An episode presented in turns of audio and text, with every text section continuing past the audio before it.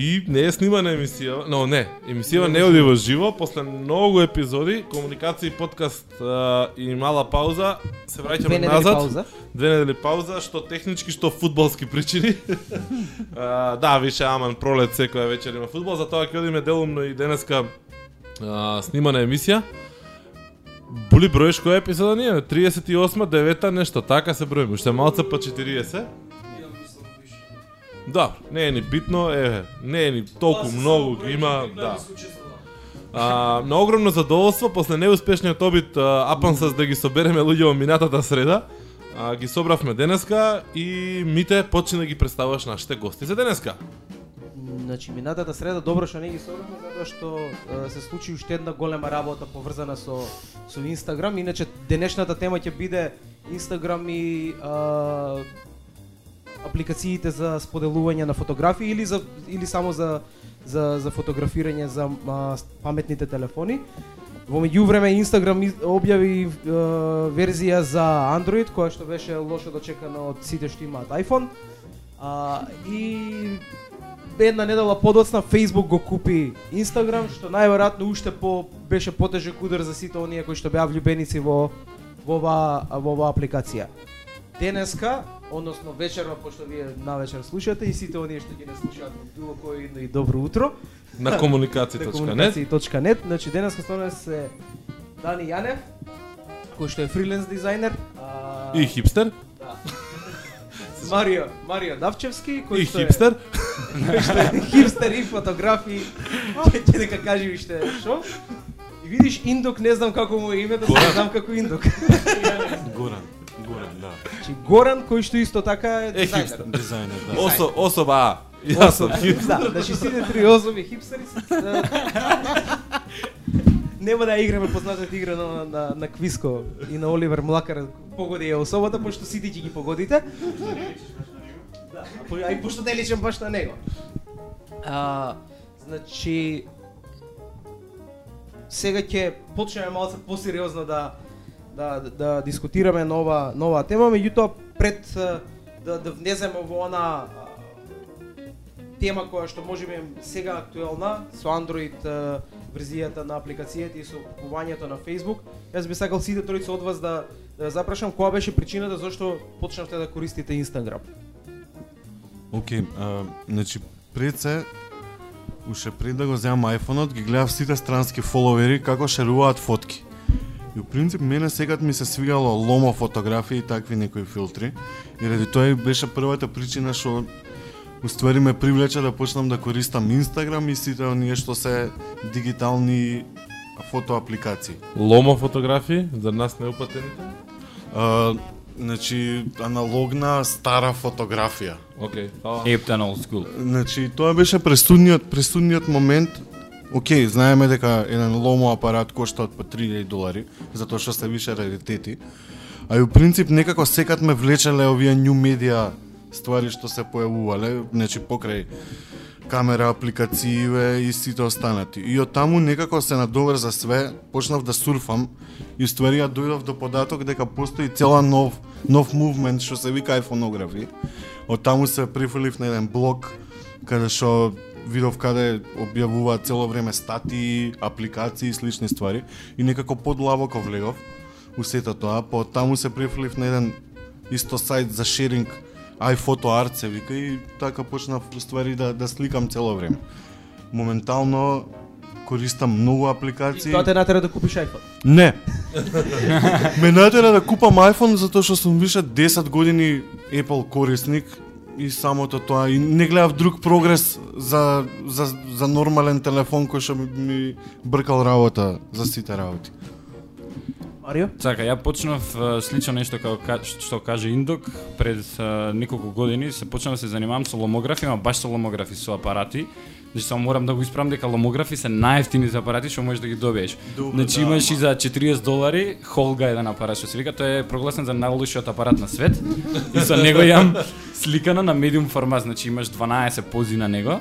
И со него почнав така да сликам и после тоа случајно го видов и тоа не на мојот телефон, го видов на тогаш нема iPhone уште, го видов на еден другар, значи го видов ја видов Инстаграм И почнав да сликам, тоа беше пред година и нешто, може и почнав да сликам така што му го крадев телефонот и сликав цело време со Инстаграм. И така да после тоа време кога земав iPhone, одма прво нешто што беше Инстаграм, значи првиот контакт беше случајно рандом со апликацијата, пробував и многу други апликации, или ден денес се задржав на на Инстаграм, најверојатно ради филтрите и најверојатно ради повеќе ради social медијата што е што ја овозможува Инстаграм. Да, така. Да, да. На, највеќе ради тоа, зашто ако си одбереш кои луѓе да ги следиш таму, можеш да изнагледаш стварно многу добри фотки, квалитет. Да, има и треш, али има и стварно Да, добри стварно фотки и инспирации кои што влијаат. Дани, ти ради лому или беше друга причина? А, па вајде само ја не сум тука фотограф, нити аматерски, Не, не нити ништо. Не, мам. Никад не ме интересирало, mm пример, ломограф или не знам што. Значи, ја кога инсталирав прв пат овакво Инстаграм на, на iPhone, беше поради тоа што реално и немаше друга апликација за да ти споделуваш фотографии за iPhone. Значи, Facebook имаше може некаква си онаква мобилна апликација што не функционираше. И Инстаграм уствари зема најдобрите работи што имаше од Facebook и од Twitter. Значи имаш лайк, имаш коментари, имаш фолоу. И крај, да, хештагови после дури После дојдоа дури да, со други апдејти, мислам првичната беше само тоа. Значи да се споделува фотографии со филтри со Со ефект. followers. Да. Значи реално од таму почнав не дека нешто ме интересираше, значи нит имам овакво профи, нити нешто искуство со фотографии. Значи онака си штракам бе без веза, ама пошто ти фалеше апликација за фотографии. Сега пример реално може имам преку не знам 100 фот- овакви апликации само за сликање, ама пак некако овакво Инстаграм ја бираш пошто ти нуди све уедно. Значи а, сите други не можат да направат таква а, заедница како што до сега што има Инстаграм направено, значи толку луѓе и све да се поврзани. Да, Плюс баш нов со- мувмент. Да, Да. со што се расшири со Androidов, со Facebook, значи тек мислам дека ќе ќе се шири заедница. Пред да отидеме на на овој дел кој што не не едниот дел е дека има таква а, заедници, има нуди вмрежување, пред да отидеме на тој дел, имаше баш еден коментар кога испадна за Android апликацијата, јас се се чудев на вистина кога ја симнав апликацијата, за мене е многу проста апликација, рудиментирана, а, која што не нуди но, многу, а, Тоа може ради Androidов така. Да, Не, ја погледнав и на iPhone кај кај Дарко и на вистина повторно се чудев. Да. Али- Повторно се чудев како може оваа апликација со толку не технички не а, да речам изработена убаво да да биде толку популарна. Меѓутоа најверојатно тоа го прави мрежувањето и Така, да. и заедницата која што има таму. Јуто имаше еден друг коментар а, дека Инстаграм е толку популарна затоа што ти пробај да сликаш со камерата на на iPhone. Колку камерата, Да. лошата камера на iPhone, оригиналната, и даде а, и даде можност на Инстаграм како апликација да да, да стане толку популарна. Па да, ради тоа и се разви сето тој нов правец, дури на еден начин и академија да отворат за официјални iPhoneографи. Дури луѓето почнаа да. да ја бришат апликацијата што е за камерата, више Да, нема значи, до толку, за до толку, до толку се разви све останато. Иначе, оваа верзија која што е сега, може да кажам дека е најдобрата. Претрпе пет или шести апдейт кој е ова? Сигурно и повеќе. Ја мислам Значи, повеќе. кога излезе прв пат, тоа беше крашување цело време. Нема, Сега има додатни нови четири филтри, кои што предходно ги немавме. Така. И самиот тој момент уствари допринесе Ако Да ти раз- текно имаш интервју со Мајк, еден од овие CEO што се организатори, вика толку крешнуеше, вика што идам на вечер и го носам лаптопот за да, Да, го правам да, серверот, да, вика да. таму. Значи, Така да. ептен ентузијастички тргна и Тргна, тоа да. мене највише ми се свига затоа што стварно развија нов нов комјунити они.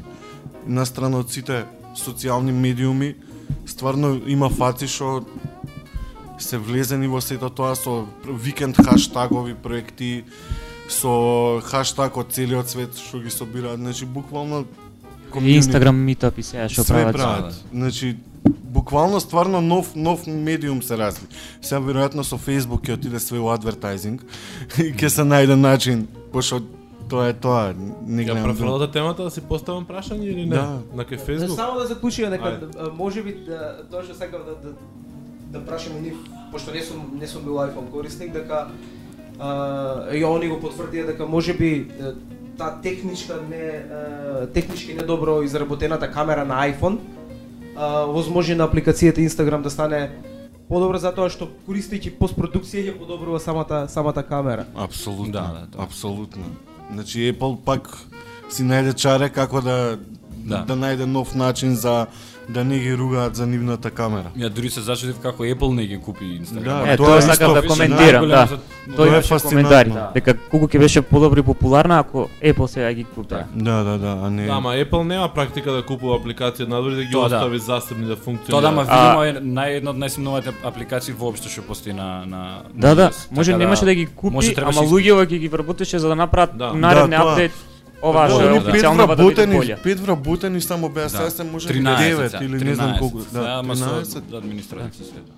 Значи тоа е фасцинантното, толку малку луѓе, али буквално бум направи, ама тоа е убаво кажам митер. Тоа е само и ради Имаше многу реакции кога, нели, долго време е, пазарот те бараше Инстаграм за Android. А, креаторите рекоа тешко ни е да направиме заради тоа што а, различни телефони, различни апарати, различни спецификации и мораме да бидеме сигурни дека ќе направиме апликација која што ќе биде еднаква по квалитет како она што луѓето се навикнати да ја користат. Конечно, после многу барања, ја најавија и ја објавија. А, имаше многу реакции сега од овие првиве, значи ексклузивниве. А, кои беа вашите лични реакции и а, на чија страна а, во, во таборите, да кажам, ако воопшто се формираат табори, а, застанавте вие? Лично, зборувам. Па ја лично на пример не знам што се случи со сите iPhone корисници што почна одма да го хейтаат тој момент зашто излегала на Android. Ја воопшто пошто сакам фотографија и ја сакам таа заедница што е на Instagram, сакам да се шири, зашто да не, мислам. И иако долго време се чекаше на тоа, мислам дека беше прав потек на Инстаграм, така да јас сум на онаа страна кај што баш сум за сите да имаат Инстаграм, не е проблем да биде само на iOS или такво нешто, зашто крај крајва подобри фотки ќе гледаме, повеќе фотки ќе гледаме, еве за 5 дена, за 6 дена имаат 5 милиони даунлоди. Од тие 5 милиони сигурно ќе се надберем 10.000 стварно добри луѓе што ќе користат таа апликација. А пак ќе кажам, ако си ги избереш тие луѓе што сакаш да ги следиш, без разлика дали се на Android или на, на iOS, ќе гледаш многу добри фотографии. Реакциите на другите? А, јас сум Apple хардкор. така да мене не ми се свигаше тој момент искрено, затоа што у принцип не ни очекував дека ќе доживее толкава популярност апликацијата затоа што касни година дена. Пред се тоа ми беше најчудно, башка овие што се девелопериве беа конкретно врзани дека ќе бидат само за Apple. Но после тоа, да, окей, кога видов дека дојдоа некои од фотографите што ги познавам на Инстаграм, македонски фотографии, онда го прифатив тој момент дека е баш окей, више сите да шеруваме заедно. А иначе од принципи на Apple корисник не ми се допадна тоа. Значи мојот глас одлучува сега. да, Кој ќе победи? Да, ајде. Ајде. То, то. Да видиме хипстерите што ќе одлучат. Овако, и мене искрено, значи, уопште не, не, не ми смета тоа што апликацијава има за, за Android, не знам, Дани. нека има и за, и за Nokia, и за не какви други системи, само со тоа може да, да расте самата апликација. Со камерите на Nokia, извини што што ќе не со камерите на Nokia, какви се, Стварно. вистина би било Да, Да, па и се камерите на Nokia? најдобри на свет. Да, да. Да. На Nokia телефоните да имаш Да, најдобри. стварно не се не се на Sony Ericsson што користат Zeiss. Carl Zeiss. Е, па Nokia се и Nokia ги користи тие. А, окей, се повлекува. да. Овакво Што и те прекинав, да. Да, тоа сакам да кажам, не ми смета, ама од друга страна, они навлекува многу као, наречам, хейтери од Apple, пошто немаат веќе онаа ексклузивност што имаат Така, да. све друго што Да, е на. Apple. Значи, Добра, ја- ама има еден куп апликации кои што ги има и таму и таму. Мислам, зошто а, корисни играчите на Angry Bird долго време а, нели која беа која има таа ексклузив, ексклузивност не реагира после тоа кога се отвори за Android. Мислам, ја не не приметив дека некој престана да ја игра играта на пример. А, веројатно е Не, тоа ради Angry Birds се појави многу брзо. Значи, он кога што кажа, Инстаграм работеше две години, да. значи тоа е време додека они сега, не знам, набилдаат 30 и колку милиони имаат 30, да, на да. корисници само од овакво со iPhone. И мислам дека е само ради тоа, пошто Angry Birds се појави многу брзо и немаше тука време. А тука сега се, мислам, немаат никаква ексклузивност, она што беа од Apple. Пошто знам на почетокот, значи имаше луѓе Сингапур, Јапонија што беа као први земји корисници она Instagram, купува iPhone само за тоа. Да, значи да, да. само за таа апликација стрикно. Е сега веќе тоа се изгуби, мада пак ќе кажам мене не ми смета уопште. Не, не, окей. Мислам, по принцип, не знам, веројатно сите Apple фрикови се се за, з- така размислуваат, мислам, самото самиот тој момент. Не знам, има некој момент кај Apple што кога го користиш ти го дава тоа чувство и некако сакаш да го да го задржиш веројатно Да, и сега за себе. бараат нови овакви нови- нови филтри. ќе бидат као Значи, ексклузивно. кога се појави Инстаграмот за Android, јас изгубив 300 фоловерси. Значи, они ги избриша своите акаунти. Значи, до толку луѓето некако пристрасно го доживеа тоа. И баш ми беше чудно, не очекував така. Али ете, очигледно Дали е... беше тоа се- прв, првичен шок, првична реакција, па сега луѓе ајде се, Не, знаеш, у принцип блоговиве сите две-три недели пред да ја се избаци апликацијата, они цело време објавува и некако мислевме дека сите нема да ја објават апликација. Али у принцип они ја, из, ја, ја избација и така да Тоа е, мислам дека блоговите не го прифатија тој момент само ради тој айфонографи. Затоа што више тој официјалниот блог сега ќе мора да пишува за сите. Значи, Да. па, Пишува и ќе одлука? пишува. Па не, не знам он дали ќе пишува. Македонскиот овој што го тираме ние, у принцип ќе се задржи и на Android и на iPhone. Не е тоа више проблем, ама тоа Зошто би требало пошто тоа е iPhoneографи. Инстантографи. да, да, iPhoneографија е сега може веројатно малце е зезнато, Да, многу е Многу е, многу е да, зезнато е пошто више влегов у процедура да го регистрираме фонографи МК, е сега ќе треба да биде фонографи МК. Исто така а, ќе се појави нов сервис, Даниел го прави, кој што ќе ќе можеш сам да си да се Даниел шира- Деликон, иначе. Деликон, да. Кај што ќе можеш сам да аплодираш фотки, додека на пример нашиот блог ја харам по Инстаграм и фотките што ми се свигаат им пишувам на луѓето. Здраво, сакате ли да ги објавиме фоткиве на блог? Пошто пак некоја селекција правам затоа што има и габа, многу и треш се појавува на Инстаграм, не е само и фини фотки. У принцип некако така се задржувам и ради тоа мислам дека ќе се пребациме да да се вика фонографи. Има некој план блогот како би се развивал понатаму, значи луѓе во вака сите што се тука и општо онлайн, оке реакции имаат, лого заедно со Дани направивме. Јас сакам тоа да го шириме баш као нетворкинг, македонски нетворкинг и Значи да тоа. потврдиме официјално iPhoneографи МК без разлика кој ќе му биде новото име ако воопшто се промени, прифаќа ќе прифаќа и објавува фотографии направени кои од друг паметен телефон кој што не е iPhone.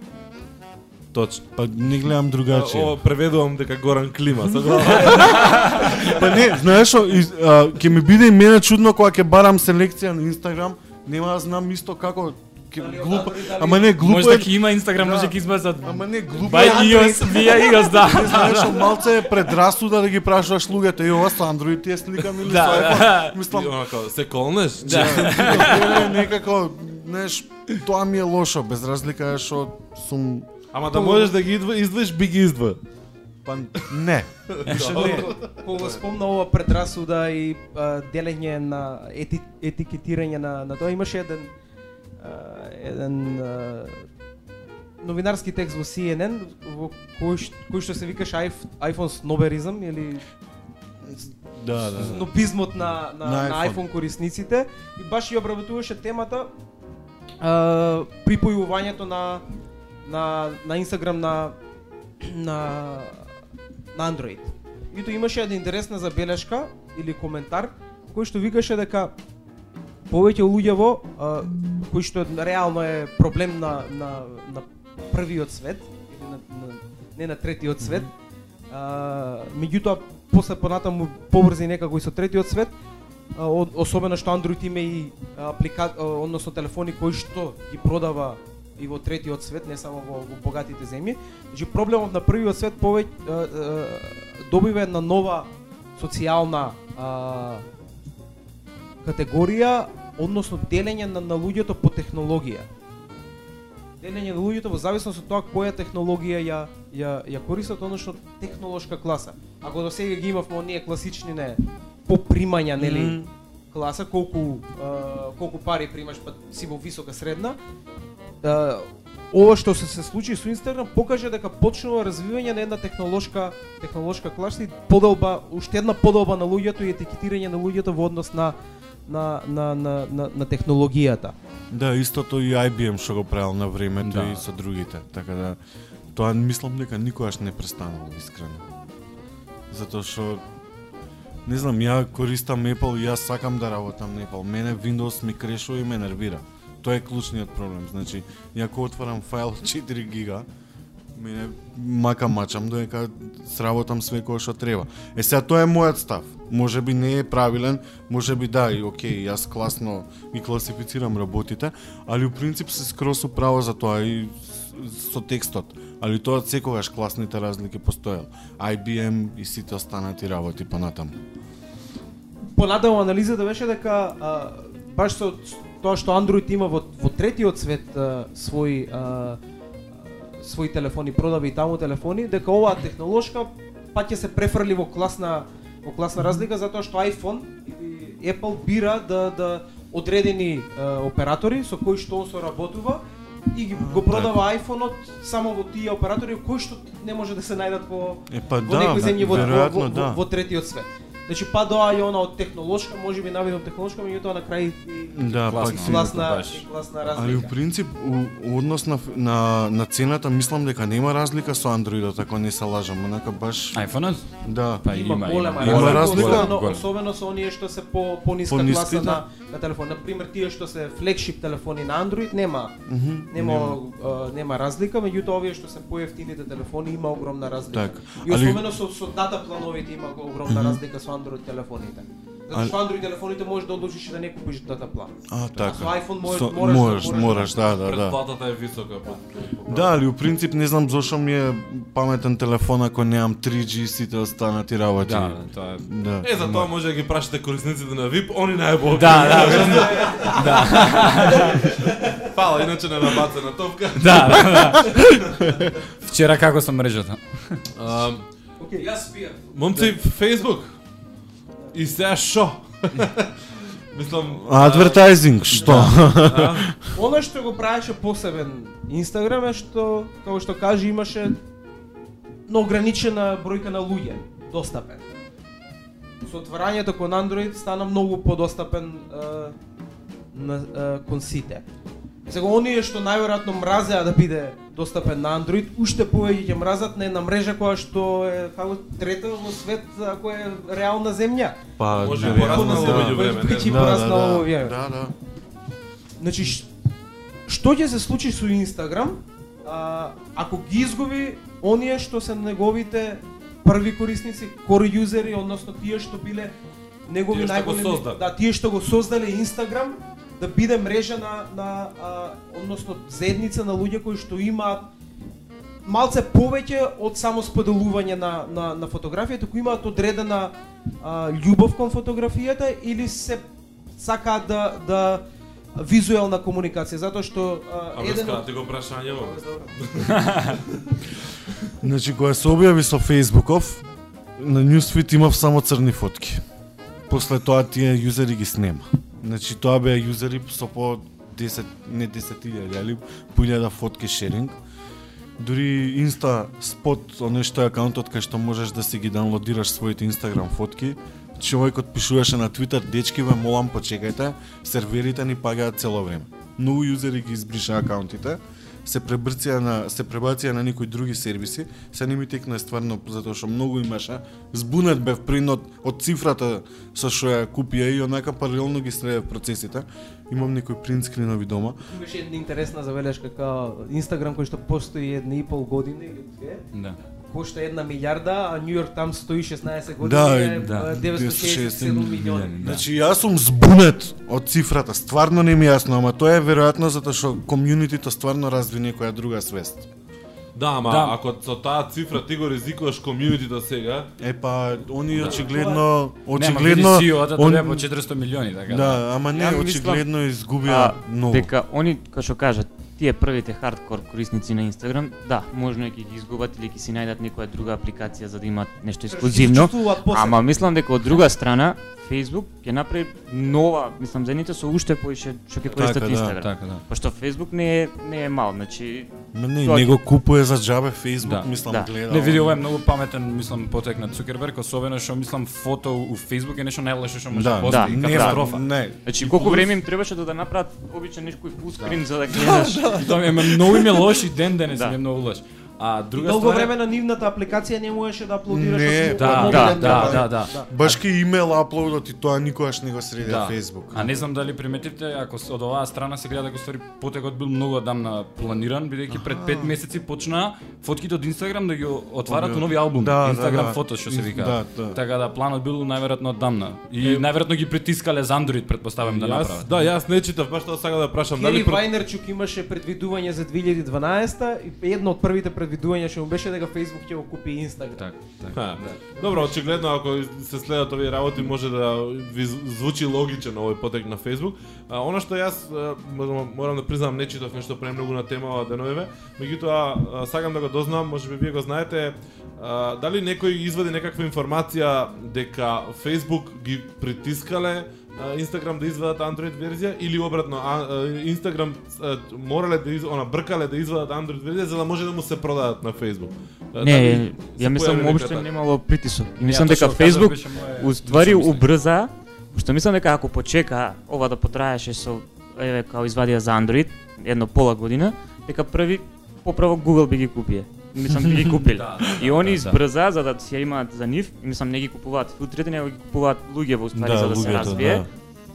И само ради тоа. Значи, толку беше кратко и мислам дека уствари Facebook као да се уплаши дека сега ги има за Android, можно е Google да ги купи, па дајте ние да да купиме. Да, тоа е втора можна Да. варијанта. Затоа Ја барем така мислам. дека нема да а, да го вметнуваат, инкорпорираат Instagram во а, во Facebook, ќе Да. си остане а, Да, засебно. апликација засебна која што ќе си функционира, меѓутоа ќе најдат некој начин како да Како да си Да, а, како да ги поврзат малце Да, да. подлабоко и целта беше Да, да. дека тоа и баш им беше прес конференцијата, ние ги сакаме луѓето од Instagram да да. да, Да, да, да. бидат дел од од Тоа сакам да кажам, можеби џабе кривање на джева од сите хардкор фанови на Инстаграм, можеби ќе си остане, но најверојатно тоа е само илузија. Мислам дека може да си остане некое време као пола година, година, но после мислам дека скроз ќе се смени на некој Марк друг начин. Цукерберг во својата официјална објава пиша дека нема да се чепка Инстаграм, дека ќе си остане независен од од приказкава. Битно мислам дека можно е многу да се подобри мобилнава апликација на Facebook за сите телефони. Веројатно да. Да. Значи таму ќе биде, мислам апликацијава сигурно они нема да ја чепкаат уопште. Нема? А, добро, они на времето го купија и како се викаше оној фит, не, не, фит, uh, Да, говала. Или- Friend Finder. Friend Friend Fit, да, да. Friend Fit, па го умреа Friend Да, Fit, да, да. го Па исто и говала, говалата исто го тоа што се деси твит дек, нели исто се дешава се. Да, да, да, да. Е, нема да Не го отвараш умре. рани тука. Не скорива и јадови. Не, не, не го умре, ама кога да пробуваат да го Да. умре затоа што имаат Па не, веројатно Дани убаво вика, може конечно ќе ја стреljат мобилната верзија. Затоа што Facebook, Да. Сега не можеш, да, не можеш ни да, да фан пејџови да контролираш со мобилен, Да, да, ништо, онака се. е. Па да. то комјунити уствари од Инстаграм, сега кога ќе има, кога ќе види уствари дека исто му е лесно на Facebook да закачи и на Инстаграм, сигурно дека има поише френдови на Facebook и ќе сака да, Да. сподели таму колку на тука на Инстаграм. О, ти го, ти тоа го спомна моментот Дани претходно, значи да има луѓе што ќе се повлечат, нели, што егото Да, им е да. премногу големи, сакаат да бидат нели мала заедница, да, интимна да не да не речам. А, меѓутоа, од друга страна, па оние што ќе останат, одеднаш ќе имаат шанси за тоа што го прават, да го прикажат, предпоставувам, за неколку месеци пред екстремно многу повеќе луѓе. Баш тоа, значи, да, прв да. чекор Android корисници а, и ќе имаат многу повеќе публика, ја гарантирам дека ќе имаат супер корисници со кои што ќе може супер муабет да се Да. стерат или да си разменат идеи и на крај дека ќе може својата работа многу попрактично или по или својата креација, своите креативни креативни дела многу по по квалитетно да ги споделат на на Facebook, што Да. сигурно сега ќе се интегрираат многу подобро, ќе Да, влезе да. во таймлайн, ќе има некакви синхронизации, чуда врагови. Така да на крај уствари сите овие потези носат многу повеќе публика за он за малата заедница на на Инстаграм. Мислам сепак Да, на- да, баш така. Мислам мала е кај нас, иначе странциве сите не, више. успореба со не, Facebook да да, речеме. да. со Facebook, Так, Twitter, так, да, да. Flickr Така, да, некои да. други фотозаедници, Да, чудно е. Фликар, Фликар дечки скроз исчезна. Да, да, го- Освен професионалците што го користат вака, луѓе многу малку гледам шеринг, За значи може уште iPhone е на прво место како беше Па, за споделување. мислам Као фотоапарат што се стои дека на прво место iPhone. Фотоапарат да, Да. а место за кај што се качуваат фотографии, Facebook дефинитивно. Мислам Да. го уништи Да, да, да. Flickr уште одам. да, да, да. А, и добро, сега што кажува тоа за луѓе со што се занимаваат со фотографија и за луѓе за фотографија? Како се развива? Ајде малку да го воопштиме муавето. Значи, доаѓа апликација која што прави филтри, мислам мене не ми е ништо вау, затоа што ајде јас сум Photoshop она работник да кажам од 99-та 2000-та. Иначе да ви кажа еден коментар на Дарко. Кога го прашав, ти користиш Инстаграм? Не, а ти пар свадбарски филтри таму, не ми се свиѓа. Да, и мене, и мене исто ми го кажа тоа, да. Ја му, ви- ја му реков, дај бе сликај со Инстаграм. Да бе, сега Инстаграм, дај со пат да сликаме. Не, мислам, окей, ја го сваќам се да не сум влезен у фотографија толку многу, меѓутоа мене ми се тоа филтри. Се, Така. да паѓаш у несвест за филтрите, онака како некој но, но просачен да кажам корисник кој што Некако хипстер. Некако благодарам. А, Не, не, не, не, не, да, не, не, не си влюбеник во лово фотографија. Така, да. И сега да им Да, грозно е со новите хипстер трендови, извини да. Да имаше турбо фолк апликација некоја за сликање, па да ставаше онакви джиш бои, па да затегнуеше нешто, па да ставаше онакви sparkles или нешто ситно страна, гарант имаше повеќе корисници, но а, Балканов може. Само на Балканов имаше 30 А, не милиони. ги поценуваме се, ти глобално сите. Не, прашањето, прашањето ми е момци со сите овие е, фотоапликации, со филтри, нови формати. Еве Инстаграм слика у коцка некој. Кој е тој формат? 6 пута 6 медиум 6 формат. пута 6. Да, значи, колку се променува фотографијата како таква. Значи, дигитална фотографија, а, па пак имаме приказка нели стара фотографија, ама дигитална и сега нови формати, нови Аналог филтри. нама дигитално. Аналог нема Аналог дигитален свет, Future retro. Колку според вас што ја следите фотографија ова и што се влюбеници во фотографија сега тоа се променува и е променето кај професионалци кај аматери и каде го гледате а, развојот понатаму значи на кај ќе тера работа Значи, самиот факт денеска што секој има пристап до компјутери, до одредени програми, ги уништува магијата на секоја работа. Значи, дали дизајн, дали фотографија или општо све тоа. DJ. Да, мислам све, значи нема тоа, у принцип ја нема не, Не што, читаш the Ја у принцип, на- на- у принцип на- ја не сум кин Така. У принцип ја сум влюбеник во фотографија, ги следам сите македонци што фотографираат, многу ми се свија фотографија. Многу ретко јас сликам со апарат. Значи имам апарат, али многу ретко сликам. Едноставно не го доживувам сето тоа затоа што ова ми е нов мувмент и може ради тоа ми е мене сето тоа јако. Али у принцип сметам дека фотографите не се загрозени во никој случај, затоа што добра Да. фотка си е добра фотка, мислам, нема нема ја да срушиш ти утре да идеш да сликаш кампања со телефон, мислам Има, Не, има, да, еве бараат iPhoneографер што би сликал у Америка три месеци за не знам за која компанија. и ако го читате Mashable ќе сватите дека а, денешниве фотоапарати со некои од овие апликации кои што ги Да, спомнуваме денеска се многу подобри од DSLR апарати. Ајде се вратиме на тоа само Марио да го слушнеме на ова на темата за за фотографија. Докаже ли освен А, значи сакав да кажам дека Sartorialist, Face Hunter и сите оние што се фешн нели блогови што луѓево се спобударени по цел свет, Sartorialist мислам дека почна со iPhone да слика, па сега има некој контракт со некоја компанија и почна со апарат. А Одамна Face Hunter од исто беше у Скопје, он ја промовираше својата книга.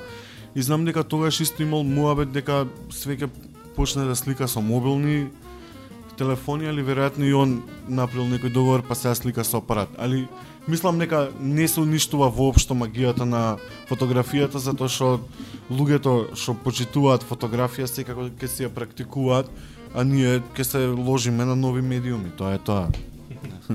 Ама тоа што го кажа ти дека не се загрозени, се слагам со тебе, ама не знам дали то, тоа е толку поентата у смисла на као ако луѓето имаат Инстаграм, може и повеќе да се заинтересираат за фотографија. Така? Да, тоа од, е- од, од, тој аспект да го гледам. Да, може повеќе може, да, се да, гледа. да, да. Еве на пример со мене, јас роден сум, тоа е у дигитален свет, у дигитална ера. Точно. Прво нешто со аналогно имав со касети и со такви работи, нема веза, почнав со дигитален апарат да сликам. Сликав 3 години со дигитален апарат и реков мене ми треба аналогно, пошто почнав еднаш со аналогно и позајмував апарати 6 пута 6 медиум формат, големи шика апарати, ломографи, холга и такви некои работи.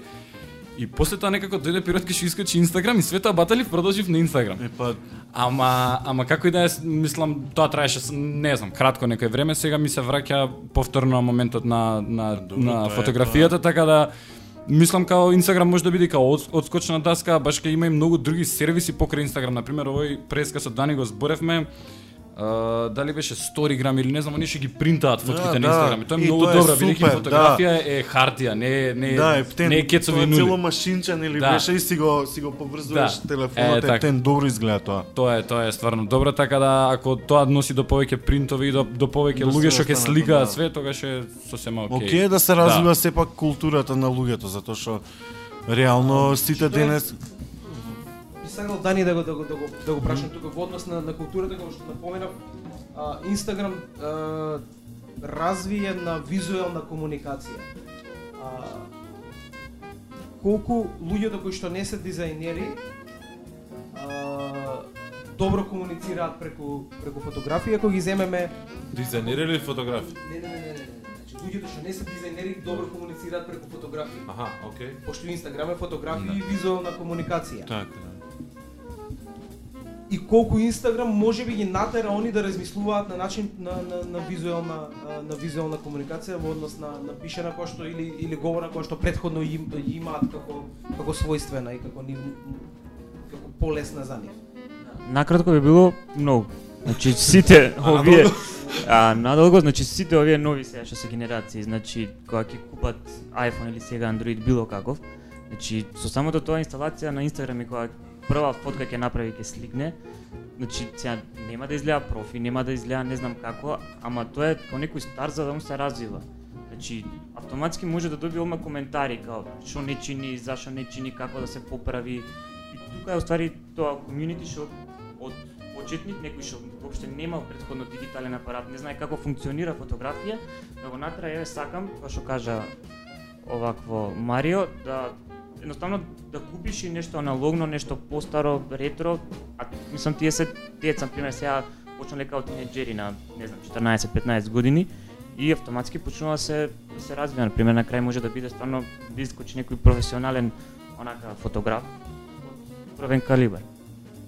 Ако успевам добро да забележам, значи вашите предвидувања или очекувања за еднината се да, да речам блиска еднина но оваа тема се дека а, дигитална фотографија не враќа кон кон кон а, можноста да поширока публика ја засака на вистина фотографијата и се врати да кажам кон а, ајде условно речено Развивање. вистинското Да, да. фотографирање. Па јас јас искрено така Во принцип мене Инстаграм ме врати на моите почетоци каде што рачно цртав букви, каде што не користе фонтови, благодарение на таму 5-6 дизајнери од Русија, повторно ме охрабрија да го правам тоа. Значи кај мене делувало така. Океј, имат многу треш, значи ќе кажам. Не е све добро што го гледаме онлайн, али мислам Не. дека мислам, али мислам дека у принцип ќе не врати на некои други стандарди каде што ќе почитуваме поише и ќе се интересираме повеќе за работите. Ја барем такво видување имам. Може тоа е лично до мене, али мислам дека сите веќе размислуваат на тој начин, значи некаков тренд е сега во светот да се враќаме на прво постоечките работи, а у принцип луѓето на Инстаграм сите зборат за Зенит и за слични апарати. А, има луѓе кои што сликаат со професионални со DSLR апарати и ги ставаат на на Инстаграм. Да, Да, колку колку ова е окей, а, со оглед на тоа што а, Инстаграм е нели смислен за да да функционира на а, за мобилен телефон, колку ова а, колку ова ја расипува заедницата или колку па и помага на заедницата на фотографии кој што нашли уште еден канал да да покажеш нивната работа колку е добра и можеби да најдат можеби да најдат работа против, против со, со, со користење на на Инстаграм. Значи има две Так, да. две острици. Мојот став е значи контра против тоа. Значи тежам на таа страна дека Контра против тоа, значи си Да. за. контра против контра. значи тотално против а, моментот на DSLR апарати да се инкорпорираат во Инстаграм. Зашто? Зашто едноставно не знам. Инстаграм ја Инстаграм е создаден да се биде креативен од телефон, барем ја така го гледам тоа. Креативен да се биде од телефон, а за за ако сакаат луѓе да го прават тоа со DSLR, значи може да го направат со два клика во Photoshop, у Aperture или што и да работат. Ама поскапо е Photoshop, или не размислувате вие на тој аспект. да, Значи да. Photoshop кошта многу пари. Да. Тој што има брат да купи од 5000 евра, има пари да даде за 500 евра за Photoshop, така? Па не знам. па не Еден- знам, пошто има еден- ти корисници на iPhone кои што не купуваат апликации, него го го Jailbreak, да. Jailbreak. и симнуваат хакирани, а 1 долар се, не се ни 500 долари. Да, да, Да. да. да. Ме сваѓаш? Ама Еј, да, еј, друго ќе спомнеме. да. Како и да е, мислам дека тоа е мене нешто што многу ме нервира, особено кога ќе видам паѓаат несвес луѓето за фотографии, дури дел од коментарите онака на у популар кога ќе отидеш на вебстаграм, на веб ги читаш и као мислат леле топ фотографија, ова она како си ја успеал, како си постигнал. Дури ден денес гледам луѓето се Мислам се палат на такви фотографии има по 2000 по 3000 лајкови само зашто е нешто што не може да се постигне со Инстаграм. И ја фоткам со DSLR, ја фоткам на тој начин, ама дефинитивно го тргам на страна Инстаграм као медиум и оставам креативноста од мобилен да излезе од мене. Значи се трудам, значи со што помалку ресурси добивам што подобра фотографија. Дали во меѓувреме се појавија готови филтри за Photoshop кои што се викаат Instagram или ги емитираат истите? Па не, ама е добри идеја. Има одамна. Има, да. Има? Да, да, да. Да? да. И- Има Photoshop филтри Да, одамна. да, за- да. Да. Филтри има, да, ама Инстаграм баш Инстаграм. Инстаграм. Инста сега, какви да, се, да, не се викаат Инстаграм, али ги има ги има филтрите. Сега баш скоро ги питнав, не знам кај ги најдов, ам одамна се тие, мислам си постои сега, окей ги имитираат како може Да, да, да. изгледа слично, ама битно може да се прави. Океј. Тоа се филтри што некој ги направил и можеш Да. да ги ставиш на Photoshop. Да, да, Да, да, да. А ништо, тоа се обични овакво само Не. као акции, ставаш фотка да, и да. толку, да, да, ништо. Што ти текна да кажеш? А, значи пред да го продадат на Facebook, таа Hipstamatic, тоа е според мене најдобрата аналогна дигитална апликација. Да.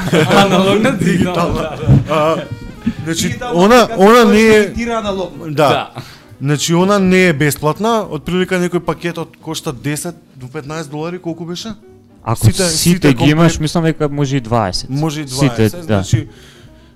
Исто таа заедница на хипстаматици беше па контра контра Инстаграм. Инстаграм, да, да. контра Инстаграмовциве и наеднаш Инстаграм и Хипстаматик се спојуваат. Значи сега ти можеш фотката од Хипстаматик веднаш да си ја префрлиш на Инстаграм, а претходно не можеше затоа што Хипстаматик е купен исто од Facebook? Не, не, Хипстаматик си е засебно си работи, али тие некои опции се споја заедно.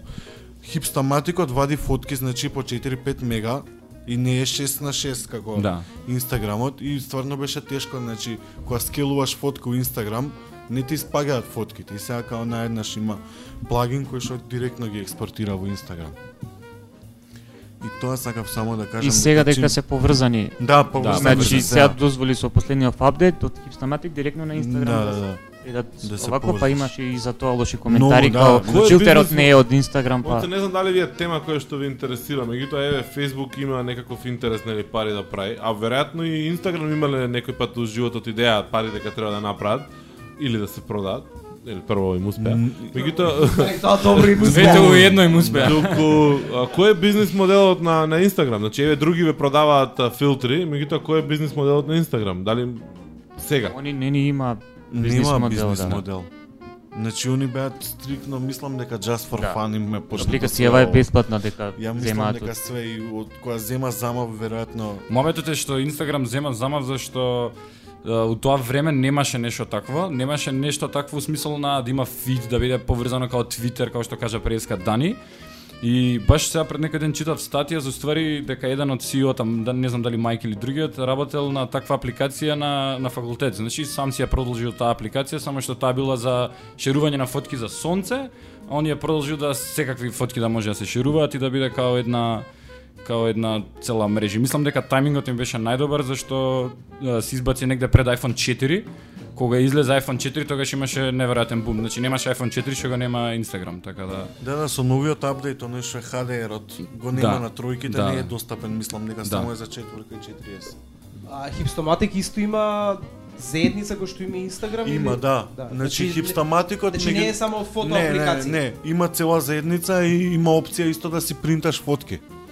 Значи директно да си идеш у нивниот стор со фотката на која што ја имаш во апликацијата и си ги принташ. У Македонија е многу скапо да ги нарачаш, така да не сум пробал до сега, не знам вие дали сте нарачале. И сега од кога нели се објави Android, од кога се објави Facebook дека купува Instagram, А, каде отидоа најголем дел од оние што објавија црни фотографии на на Инстаграм отидоа на Hipstomatic или на некоја друга се појави или некоја во меѓувреме друга апликација која што ги краде овие корисници. Значи, паралелно со Инстаграмот имаше уште една Showtime, мислам дека се викаше.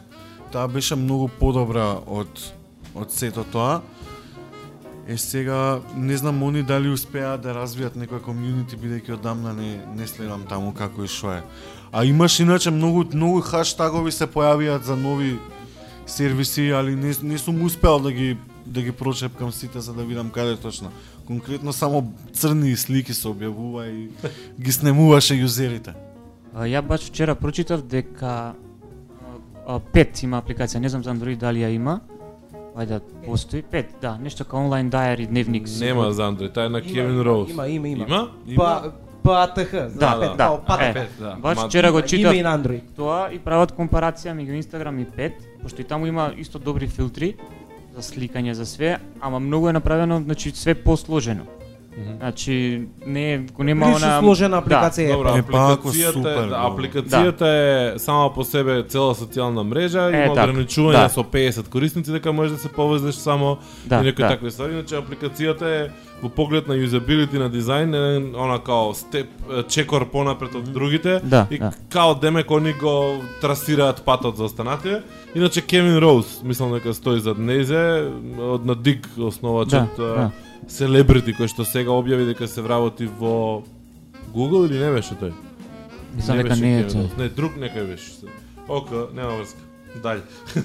А, значи дека можно е повеќето да се префрлат таму, пошто мислам дека моментално они имаат околу 6 милиони корисници 5 и дека као нова апликација пак добро се развива и позната е. Ама ако ја поедностават да направат сега да биде кој Инстаграм, значи да не биде цела мрежа па да иде контра Facebook, туку да биде само као некој додаток, дека можно е да се префрлат повеќето таму. А, како што кажа Горан, другиве да отидат на ова на Hipstamatic, а третија вајде ќе чекаат да видат што ќе се деси па дали да се да. вратат пат на Инстаграм, Инстаграм, да. Баш се збунети, има- луѓето се Да, збунети да, да. моментално На се Android збунети. има многу фотоапликации. Да. Далеку подобри филтри од од колку тоа што го има на а, на на Инстаграм, меѓутоа ниту една од нив нема а, мрежа. Односно нема социјална социјална мрежа. Се е да направиш фотката, да да аплицираш фотографија и после можеш има опција да споделиш на Твитер или на на Facebook или на друга на друга социјална мрежа, меѓутоа сама за себе никога не гради никога не гради а, собствена мрежа како што Инстаграм гради, може би она што Марио кажа времето кое, кое што се појави Инстаграм и одлуката да биде не само фотоапликација која што ќе ги подобри сликите на или фотографиите на на на iPhone, туку ќе биде и мрежа и заедница на луѓе кои што ќе од градат одредена култура е, е тоа што Инстаграм ја ја ја прави посебна.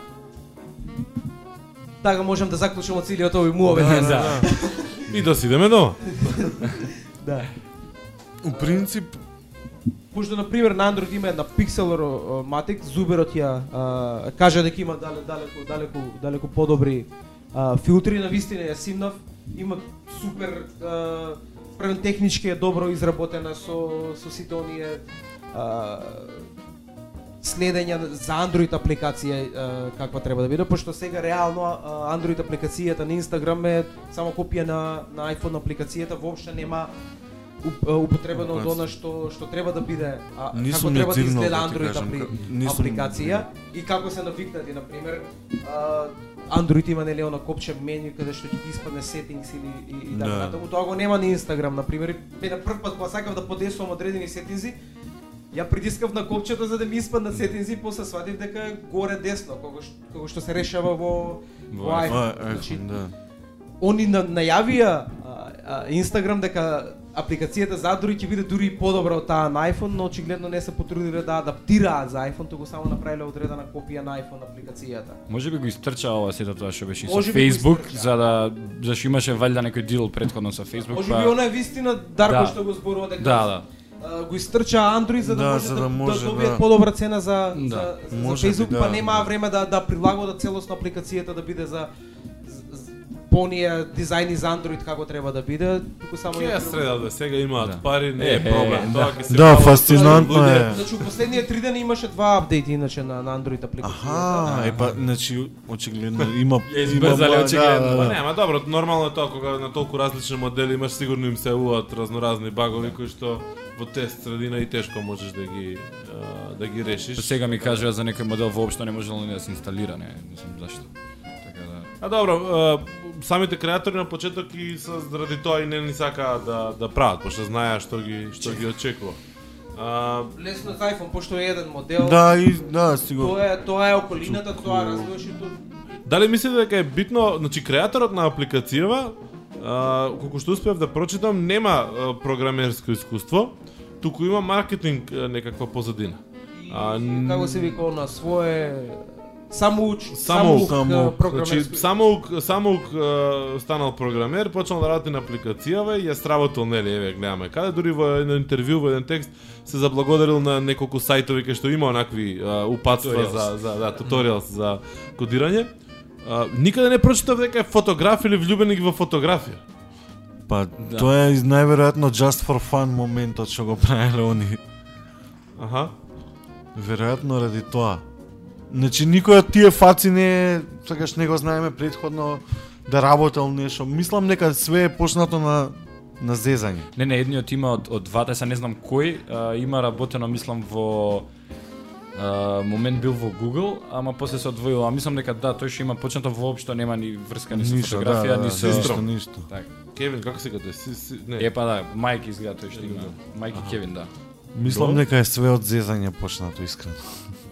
Као не им се свиѓало на iPhone Па не. камерата и ајде да Па веројатно. Не, види, они сигурно имале некој бизнес Не, план сигурно, за ова, али- али не очекувале. Главниот доаѓа од маркетинг, свет сигурно Али има во не, глава. ја Да, не да, верував да. дека они ќе ќе ја продадат. Да, за една милиарда Да, за година и стварно не верував дека ќе ја продадат апликацијава луѓе. Не знам како да ви Не, верував во Apple дека ќе ја купи, ама ова, дека, дека не, милиарда да. ќе достигне. Нема. немаше шанси. Требаше да отидат кај бараат 2 милиарди, па... А не знаеме, може би и побарале. Може и не им дале. може не им експресно брзо се расшири. Значи, стварно брзо се расшири. 17 месеци се имаш инфографик на Mashable еден долар. Па тоа сега што ви покажав на дезенја пишав уште на 2010 ноември, значи пред година и пол, кога беше како кај нас актуелно и све. Да, Значи они еве две години немаат никаков вакво бизнис план. Значи они ако тој бил маркетинг и нешто у старт ќе ја наплакил апликацијава, Така, колку толку ќе имал значи од таму профит. А може Нема- би тоа им било целта па. Може би маркетинг планот да. бил да се продаде. Да. Добро, во Америка, значи во Силиконската долина, тоа е познат принцип на работа во кој што ти правиш апликации и бркаш корисници. Значи уопшто не Да. размислуваш за за бизнис модел, туку бркаш број, број, број, број на корисници и тек после, се пошто има многу луѓе што инвестираат, мислам, не знам, онај првични инвестиции, па па втора рунда, трета рунда и така натаму. И сега целата приказка ти имаш многу луѓе и ајде сега да ги продадеме луѓе во некаде. Мислам, Twitter да беше грдо звучи. Но Твитер е уште, Уште, исто, мислам, да, они се реално. борате баш сега вчера денеска објавив нешто на комуникација околу тоа дека почнале да прават убави пари од рекламите, ама се уште тоа е фаза на развој, значи за, затворена е приказката за за огромен број на луѓе да можат да, да им дадат пари на Твитер. Но тоа е еден модел познат многу повеќе и во Америка пр- практикуван, каде што бркаш првин корисници, па после му ја мислиш за бизнис модел. А, за разлика од повеќе европски стартапи кои што одат на на саглам бизнис модел кој што без разлика на бројот на корисници на почеток почнуваат со со заработка, мислам, имаш ти еден куп стартапи типа а, ова што го спомнавте Хипстоматик кој што значи оно ден еден се во, во чар малтене, значи прават Да, да, пари, да. за може не се во, не се во плюс, меѓутоа прават пари и немаат проблем Не со се тоа. милиарда, али? Да, ги прават. Нема моделот таму е Значи, ние ќе ја дадеме апликацијава бесплатно со еден филтер 2, исто како сега сите што Да, работат да, на јасно. таков модел, и после ако ви се свија, вие ќе купите Така, други. така.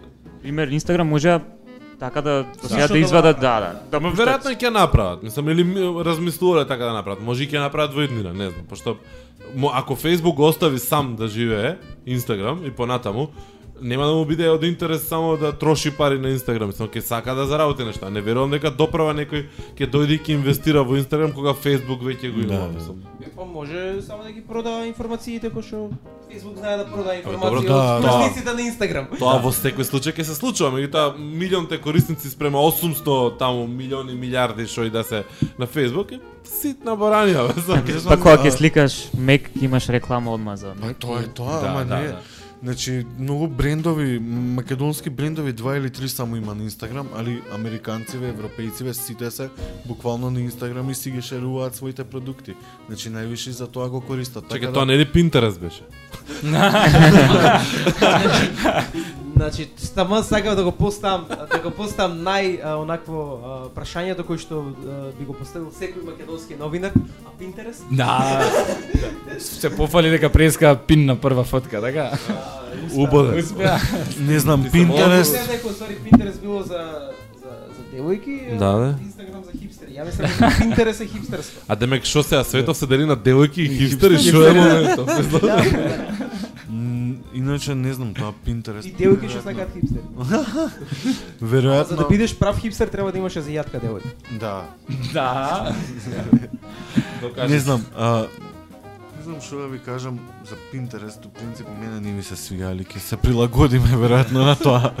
Не, Не, го префрлевме моментот кога зборуваше за компании дека го користат. Да, компании го користат, значи буквално бесплатна промоција си прават и све тоа. Facebook не е луд.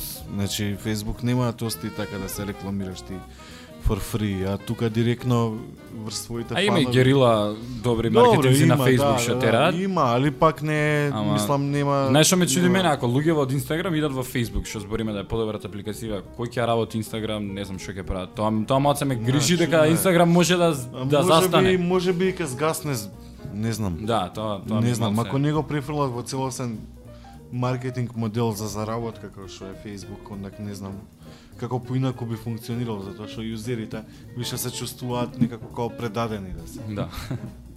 За брендовиве не знам ако следевте InCase и Ford, Мгм. знам дека најпознати што искористија Инстаграм со тагови како што почна поново.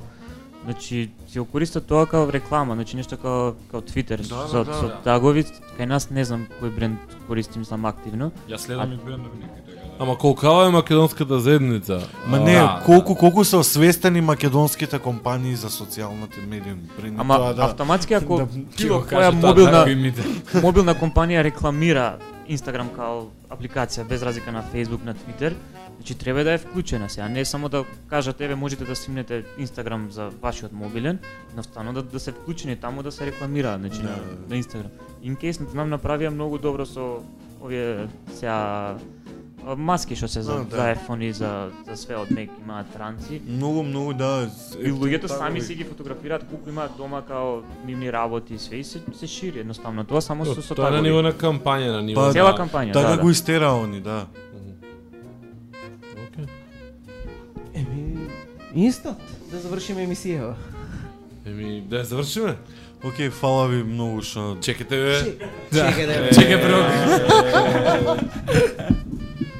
Имаш ли нешто што не ве прашавме, а сакате? Второто, второто Прашање новинарско од однесување. прашање од. Новинарско однесување.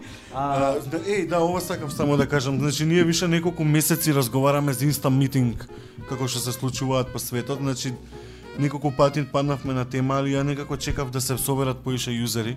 Така во план е да правиме и македонски Е, па е инста сега како Android нација, ќе има многу корисници, да. ама не верувам дека тие ќе ви дојдат толку многу лесно одма На Insta на, на. Па добро, веројатно треба да оставиме в некој период за да ако ја прифатат апликацијата, пошто гледам дека Android живе, нешто баш не се воодушевени. И виделе подобро за тоа. па веројатно. веројатно да, веројатно. Коментар ема да кажам на кога е пред некој ден кој искочи за Android, само беше као што бе као сега и андроидеви имаат Инстаграм. Значи само тоа беше коментар. И Ами- знаеш автоматски на кај тера, значи Да. дека нема нема да се толку активни, сигурно. Мене ми тека нешто што го прочитав на TechCrunch да го споделам сега.